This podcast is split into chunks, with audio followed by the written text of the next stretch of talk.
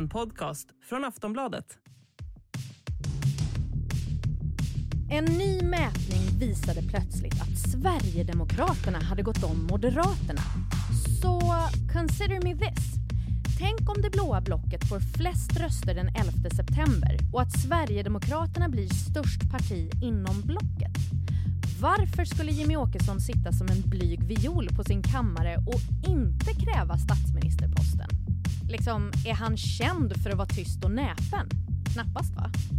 Idag vill jag veta vad sannolikheten är att vår nästa statsminister heter Åkesson och hur mycket av sin politik han kan tänkas få igenom på fyra år. Det här är Aftonbladets politikpodd med My Råväder, Lena Melin och mig, Soraya Hashim.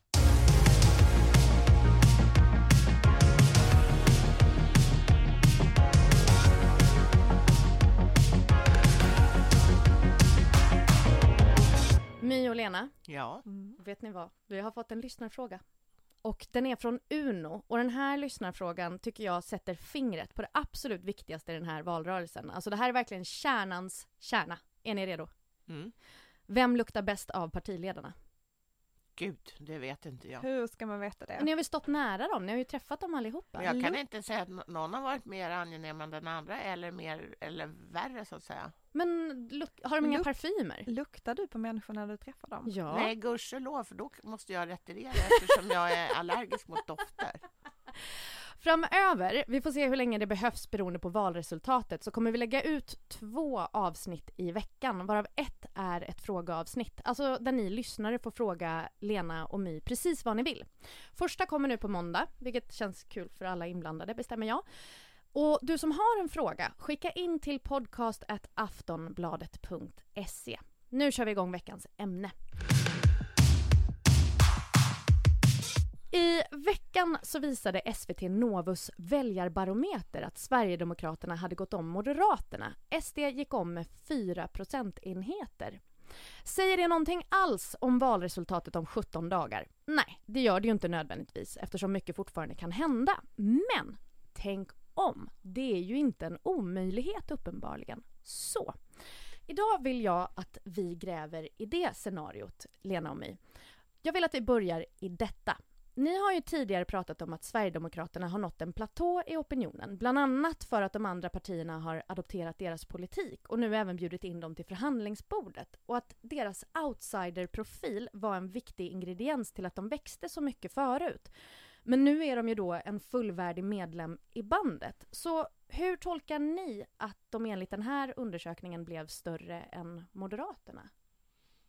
Alltså, jag tror inte riktigt på det, men de har ju ökat, stödet för Sverigedemokraterna har ju ökat de senaste veckorna. Och, och ja, jag kan bara se det som att Moderaterna inte gör ett tillräckligt bra jobb. Eh, För att om de gjorde det så skulle Sverigedemokraterna inte öka. Men de ligger ju tätt i nästan alla undersökningar. väl? Absolut, men eh, de, det, betyder, det är ju i så fall ett ännu mer överväldigande bevis för att Moderaterna inte gör ett tillräckligt bra jobb. Men jag samma analys. Jag tycker också att det handlar om Moderaterna och att de inte gör tillräckligt bra ifrån sig. Mm. Men, men så om det skulle bli så här, för uppenbarligen är det ju inte en total omöjlighet. Om det blåa blocket blir störst efter valet och SD blir största parti inom det blocket, vilka konsekvenser kan det få? Ja, det kommer ju vara en maktbalansfråga då, för att Moderaterna kommer ju fortfarande vara det statsbärande partiet. Alltså det finns ju inte stöd för Jimmy Åkesson som statsminister, men det finns ju stöd för Ulf Kristersson som statsministerkandidat.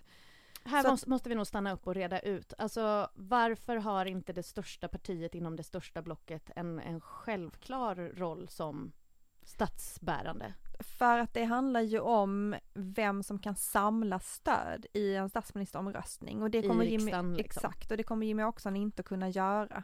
Utan statsministerkandidaten är ju Ulf Kristersson. Sen handlar det ju om, Alltså om man bara tar i röster så kommer 175 eh, eh, ledamöter eller fler rösta emot Jimmie Åkesson som statsminister.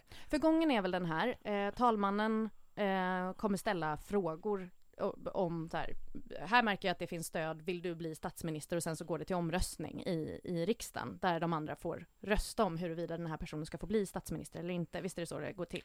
Absolut, fast den här, det här springandet hos talmannen kan ju ta ganska lång tid. Mm. Och ni menar att alltså, skulle talmannen inte ens ställt frågan till Jimmy Åkesson? Han kommer att träffa partiledarna och så kommer han och så, kolla vill, vem som skulle kunna samla stöd och då kommer Ulf Kristersson att säga så här, jag kan samla det här stödet i riksdagen eh, och sen kommer Jimmy Åkesson att säga att nej, jag kommer inte kunna samla det här stödet i riksdagen och då kommer ju talmannen lägga fram den kandidaten som har störst chans att gå igenom en statsministeromröstning.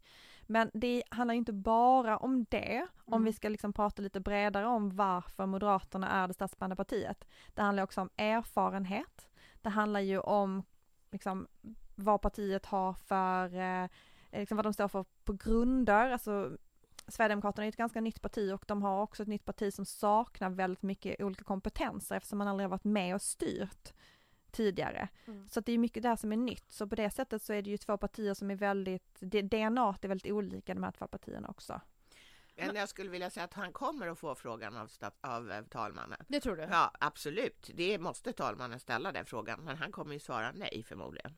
Jag kommer, jag kommer inte kunna samla tillräckligt stort stöd, men jag, talmannen skulle ju absolut inte sköta sina arbetsuppgifter om han inte ställde frågan. Nej precis, för det var lite det Mm. jag tänkte att, Mm. men vad säger det om vår demokratiska Mm. process om man inte ens får frågan, även om det bara är en artighetsfråga liksom? Ja, men artighet är viktigt. Ja, jag tänker det. Men när vi pratar om maktbalansen, om de Mm. blir det största partiet, ja men då handlar det också om, eller det handlar ju framför allt om hur de går in i förhandlingar. Om Ulf Kristersson får möjlighet att bli statsminister och de går in i förhandlingar kring vad, som ska, vad det ska innehålla det stödet. Om de då är ett större parti så har de ju en helt annan position. Det kan ju vara en bra position där de kan få igenom mycket av sin politik med argumentet att de är ett större parti.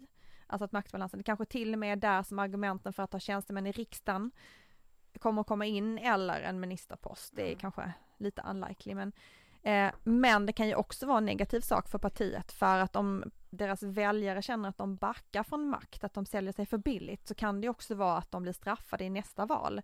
Eh, och då kanske den här framgångssagan för Sverigedemokraterna tar sitt slut här. Så att det är ju ganska mycket som står på spel för partiet. Vad, vad tänker ni att det gör för Sverigedemokraternas självförtroende att den här mätningen visade att de är största parti i sitt Jag block? tror inte de tror på den. Du tror inte det det? vore lämpligt att de inte gjorde. Alltså sitt still i båten? Ja, men däremot så är det klart att de är glada för att de generellt sett ökar lite grann här och har gjort nu i några veckor. Eh, Det tror jag absolut. Men- är det så att om Mo- Sverigedemokraterna mot förmodan skulle bli större än Moderaterna så är det klart att även om de alltså Sverigedemokraterna tycker att Ulf Kristersson i så fall ska bli statsminister så kommer de ju, det kommer ju öka, så att säga, de kommer ju kunna kräva mycket mer. Ja. Även om de sitter utanför den regeringen så kommer, då, då kan vi säga att då får han nog igenom Jimmie Åkesson att eh, a-kassan inte sänks. Ja, för, för vi kan väl eh, gå, gå in på det.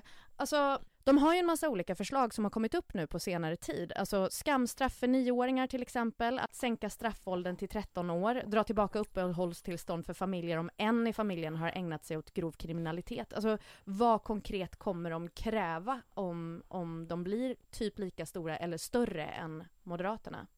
Om hela blocket blir störst. Alltså de kommer ju kräva liknande saker och just det kommer inte vara något större problem för Moderaterna eftersom de också vill bura in alla människor. Som, eh, men det är de andra, de här sociala bitarna så att säga, som, kommer, som är en stötesten i förhandlingarna mellan de här två partierna. Till exempel då att Sverigedemokraterna vill inte att a-kassan sänks. De vill att den ligger kvar på samma nivå som nu. Alltså i de frågorna där de kanske ligger lite närmare Socialdemokraterna i åsikter. Mm. Det skulle ju kunna vara, inte kanske om de blir större, men om de blir nästan lika stora så finns det ju också en annan fråga här där de, Moderaterna skulle kunna ha hjälp av Sverigedemokraterna. Om två så dominerande partier, om Sverigedemokraterna kräver då att alla de här besparingarna ska ske på biståndet som ju både Moderaterna ish har lagt, men Sverigedemokraterna är ännu hårdare, att man ska dra ner på biståndet för att finansiera liksom utbyggnad av polisen, utbyggnad av försvar, alla andra sorters typer av satsningar. Det är ju någonting som Liberalerna och Kristdemokraterna inte vill, men här skulle ju Moderaterna kunna ha hjälp av att de kräver, att Sverigedemokraterna kräver det om de blir stora. Så det finns ju frågor också där det skulle kunna vara liksom draghjälp för Moderaterna mot de andra två samarbetspartierna eh, om Sverigedemokraterna blir stora, lika stora. Då är det liksom, li- eller större, för då är det lite svårare för Moderaterna att argumentera för att man skulle kunna säga nej till den här typen av krav. Just det, men så du tänker att Moderaterna skulle inte ha någonting emot att köra över Kristdemokraterna som då skulle sitta i regering med dem om det krävs? Alltså just i den här frågan om att dra in på biståndet för att finansiera sina satsningar så skulle det ju lösa ett problem för Moderaterna för nu har de ju svårt att få ihop sin ekonomiska kalkyl. Ja. Men jag tror att det är mycket svårare för Moderaterna i det här fallet. Att om Ulf Kristersson skulle vara statsminister och sitta och förhandla budget med de här tre andra partierna så det där att sänka biståndet så kraftigt för att finansiera satsningar. Där har han två partier emot sig och i själva verket eh, ytterligare fyra ja, just det, på andra sidan. Ja, så att det, det, är inte, det, är inte, det är inte så oklart att, att Moderaterna skulle köra över Kristdemokraterna och Liberalerna här och så att säga, gå Sverigedemokraterna till mötes i just den frågan. Nej, det är ju det här man hela tiden måste hålla i bakhuvudet tänker jag, som jag faktiskt ofta glömmer, att varenda grej måste ju sen röstas om i riksdagen, så att det är ju inte bara vad de själva tycker, utan de ska ju få med majoriteten i Nej, varje grej också. Men sen innan dess, alltså en budget läggs ju fram av en regering som fattar kollektiva beslut, så där ska man alltså det, att tänka sig att något av de ingående partierna röstar emot eh, regeringens budgetförslag är inte troligt, fast allting verkar vara möjligt nu för tiden så man ska inte utesluta Nej.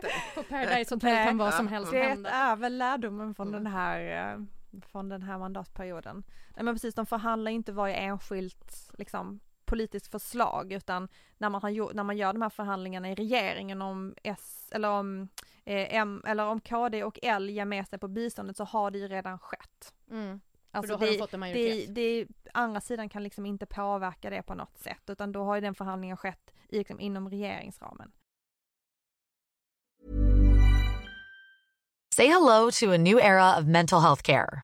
Cerebral is here to help you achieve your mental wellness goals with professional therapy and medication management support. 100% online. You'll experience the all new Cerebral Way, an innovative approach to mental wellness designed around you. You'll get a personalized treatment plan from a therapist, prescriber, or both in a safe and judgment free space. Your cerebral therapist or prescriber will outline a customized plan with clear milestones along the way so you can get to feeling your best. With Cerebral, you're not alone in your mental health journey. We're here to empower you to live a fulfilling life. So take that first step towards a brighter future and sign up today at cerebral.com slash podcast and use code ACAST to get 15% off your first month. Offer only valid on monthly plans. Other exclusions may apply. Offer ends July 31st, 2024. See site for details. Men det är ju ingen hemlighet att SDs kärnfråga är invandringen. Eller blev ni chockade när jag sa så? Nej. Så, så hur kommer den konkret se ut om de blåa kommer till makten och SD får lika många eller fler röster än Moderaterna?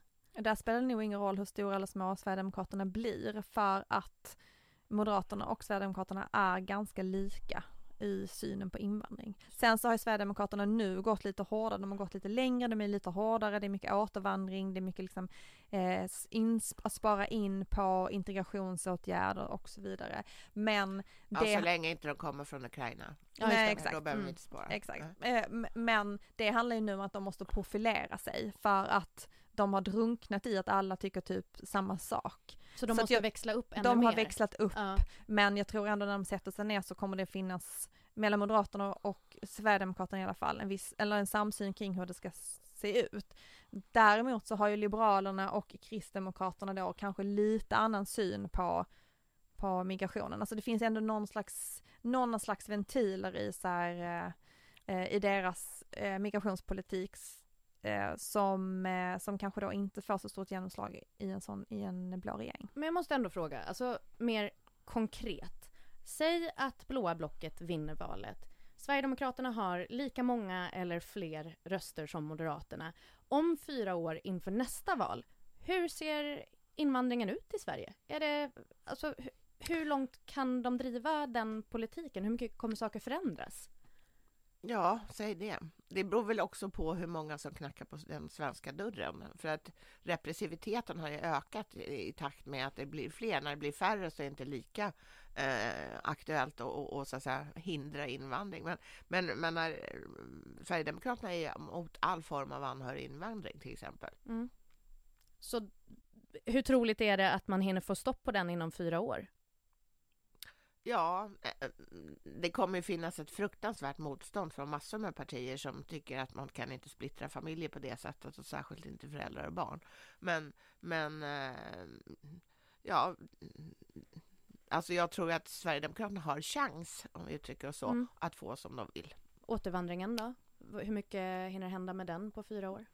Ja men där så är det ju ändå så att det finns en eh, konsensus bland alla partier att om man inte har rätt att stanna i Sverige så ska man åka tillbaka. Och det finns ju redan idag också eh, liksom incitament för återvandring, alltså även om man har fått stanna, men att kunna återvända. Alltså det finns redan återvandringspengar man kan få för att liksom etablera sig tillbaka i sitt ursprungsland. Så att det Men som... håller sig Sverigedemokraternas politik till det eller går den ännu längre? Vill den ännu mer? Alltså det de har föreslagit är ju ett, liksom ett återvandringsverk. Det finns i Danmark redan och det handlar ju om att man mer liksom uppsökande eh, tar kontakt med människor och föreslår olika koncept för att återvandra och sen så handlar det också om mer pengar. De vill ju att man ska få mer pengar för att återvandra till, ett, till sitt ursprungsland. Så att jag vet inte om jag vet egentligen inte om det är det kontroversiella, alltså det är ju när, när de, man uttrycker det som ganska hög retorik, men liksom om man ser på hur det egentligen går till, så tror jag inte det liksom är den kontroversiella delen av deras migrationspolitik. Däremot så handlar det ju, de vill ju dra in typ all alla integrationsåtgärder. Man vill inte lägga pengar för sånt som får med, liksom, människor med eh, annan bakgrund i arbete eller till exempel de vill ju riva då utsatta områden för att minska segregationen. Alltså den typen av eh, mer radikala åtgärder kanske det är som som kommer få större konsekvenser liksom, för vardagen eller för Sverige eller för diskussionen. Inte det här med återvandringen eftersom egentligen det är ju någonting som redan finns. Men, men en sån sak då, vi har ju varit inne på den lite tidigare med att riva områden. Alltså hur sannolikt är det att en sån sak skulle gå igenom på fyra år om de får jättemycket makt? Men alltså, som vi sa när vi pratade om det senast, det här bostadsbyggandet är en kommunal fråga. Ja, eh, och hur, så det, det avgörs ju av maktbalansen i, i den aktuella kommunen. Just det. Mm. Men men så säg då att eh, de blåe gemensamt får flest röster i valet. Eh, då återstår ju ändå frågan om hur regeringen skulle se ut. Hittills har ju Ulf Kristersson och Ebba Busch sagt att de vill sitta i regering utan SD och L. Men Ulf Kristersson pratade ju i SVTs partiledarutfrågning om att M, KD och SD har ett så bra samarbete och så stor samsyn i många sakfrågor. Så om de nu har ett så bra samarbete och tycker så lika och, och, tycker att det är så himla oproblematiskt, varför kan han inte tänka sig släppa in SD i regering? Vad är problemet? Ja, alltså där är ju Ulf Kristerssons argument allt sämre kan man säga. Och vad är argumentet? Ja, för, förut var det ju att alltså, Sverigedemokraterna hade en helt annan syn på svensk utrikes och säkerhetspolitik. Eh, att de eh, egentligen emot svenskt EU-medlemskap och var emot eh, NATO-medlemskap. Nu har ju Sverigedemokraterna ändrat sig på båda punkterna. De är för svenskt NATO-medlemskap och de i alla fall inte aktivt jobbar emot eh, svenskt medlemskap i EU utan finner sig att vi är medlemmar av denna union.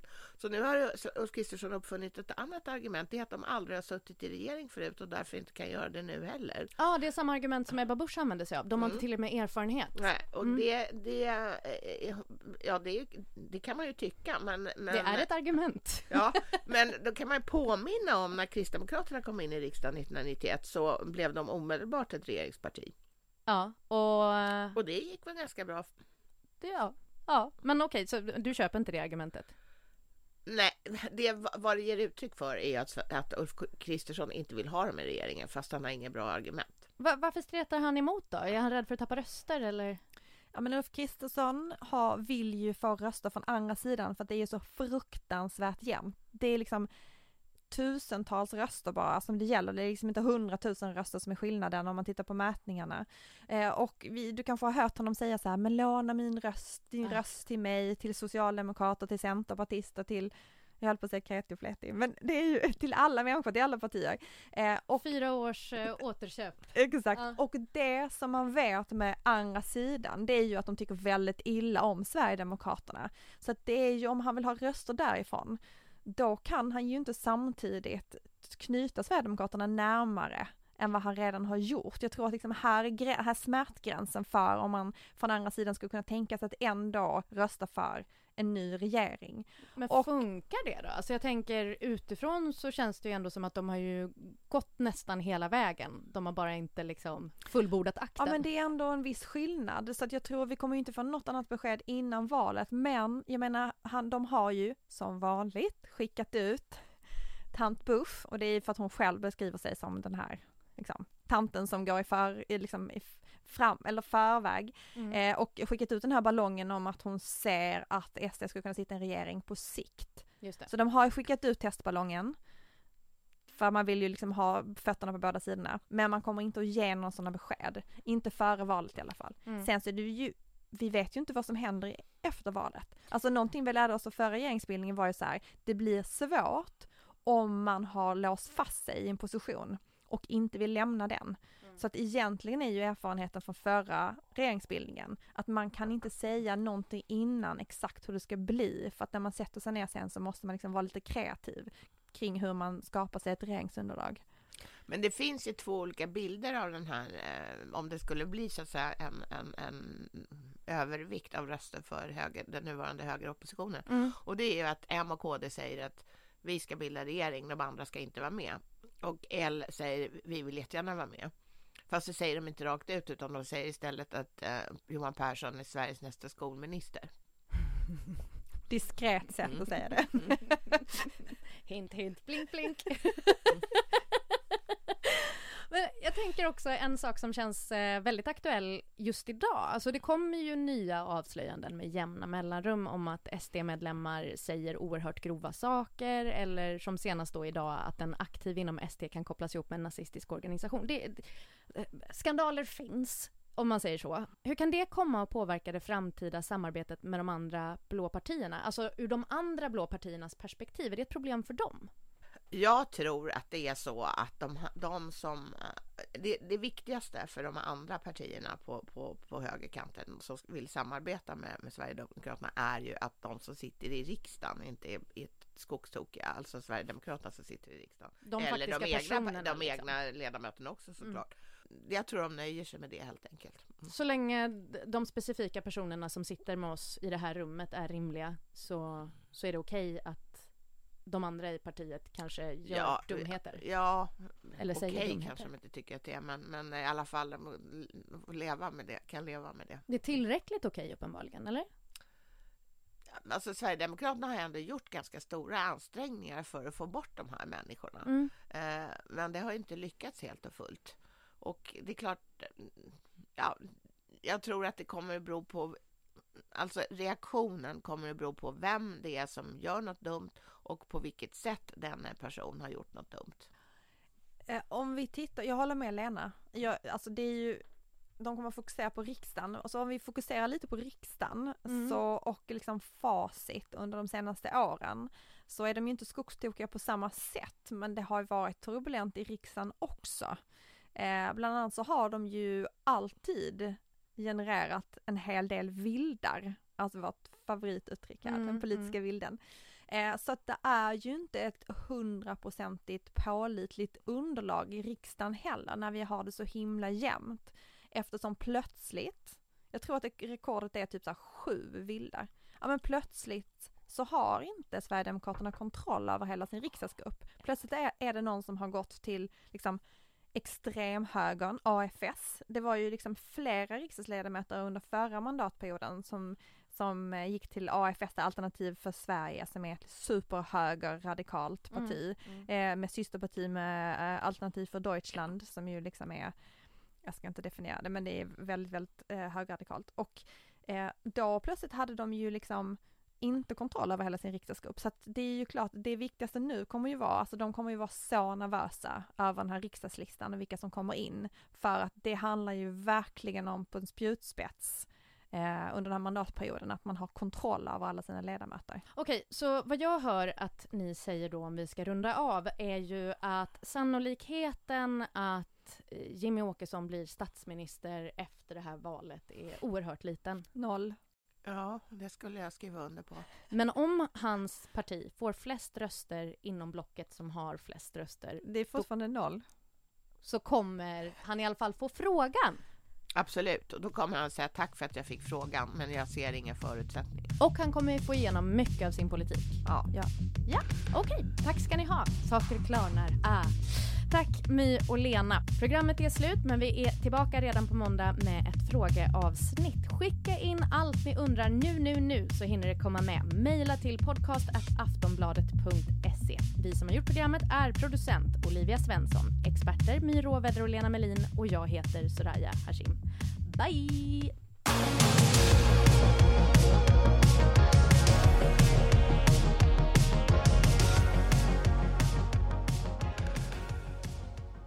Du har lyssnat på en podcast från Aftonbladet. Ansvarig utgivare är Lena K Samuelsson.